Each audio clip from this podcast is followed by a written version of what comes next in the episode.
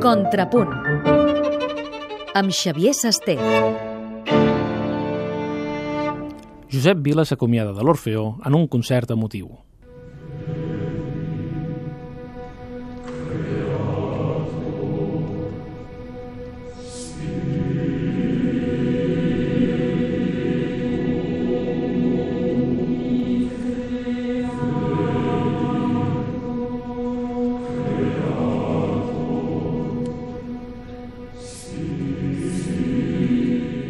L'emoció no podia faltar en aquest concert. Per una banda, l'Orfeó Català obria les celebracions del seu 125è aniversari amb l'estrena d'una obra encarregada pel Palau de la Música a Josep Vila i Casanyes, el director del cor. Aquest, per la seva banda, dirigia per última vegada la formació, tancant d'aquesta manera una etapa de 18 anys. Amb els salts i baixos inevitables en un període tan dilatat, Vila ha aconseguit fer progressar el cor i situar-lo en un estadi de solidesa musical que hauria de permetre al seu successor, el britànic Simon Halsey, dur l'Orfeó cap a noves fites.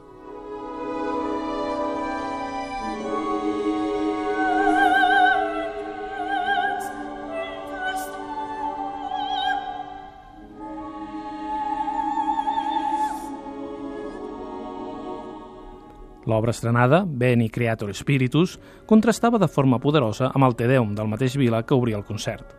La lluminositat afirmativa d'aquesta peça va deixar pas a una partitura d'àmbit molt més ambiciós, escrita per a quartet solista, cor i orquestra.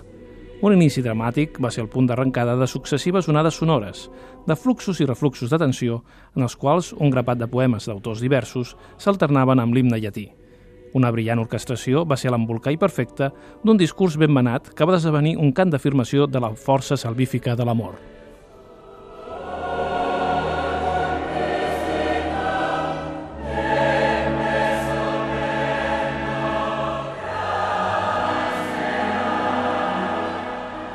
Dir que Josep Vila sap escriure per a cor és una obvietat.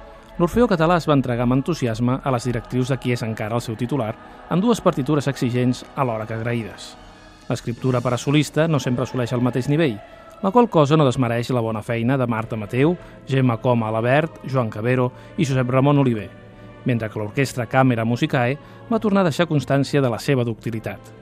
Un bon nombre d'actics cantaires es va sumar a l'últim cant de la senyera que Josep Vila dirigia amb l'Orfeó català. Va ser la darrera nota d'emoció d'un conviat ben sentit. Moltes gràcies per tota la bona feina, mestre.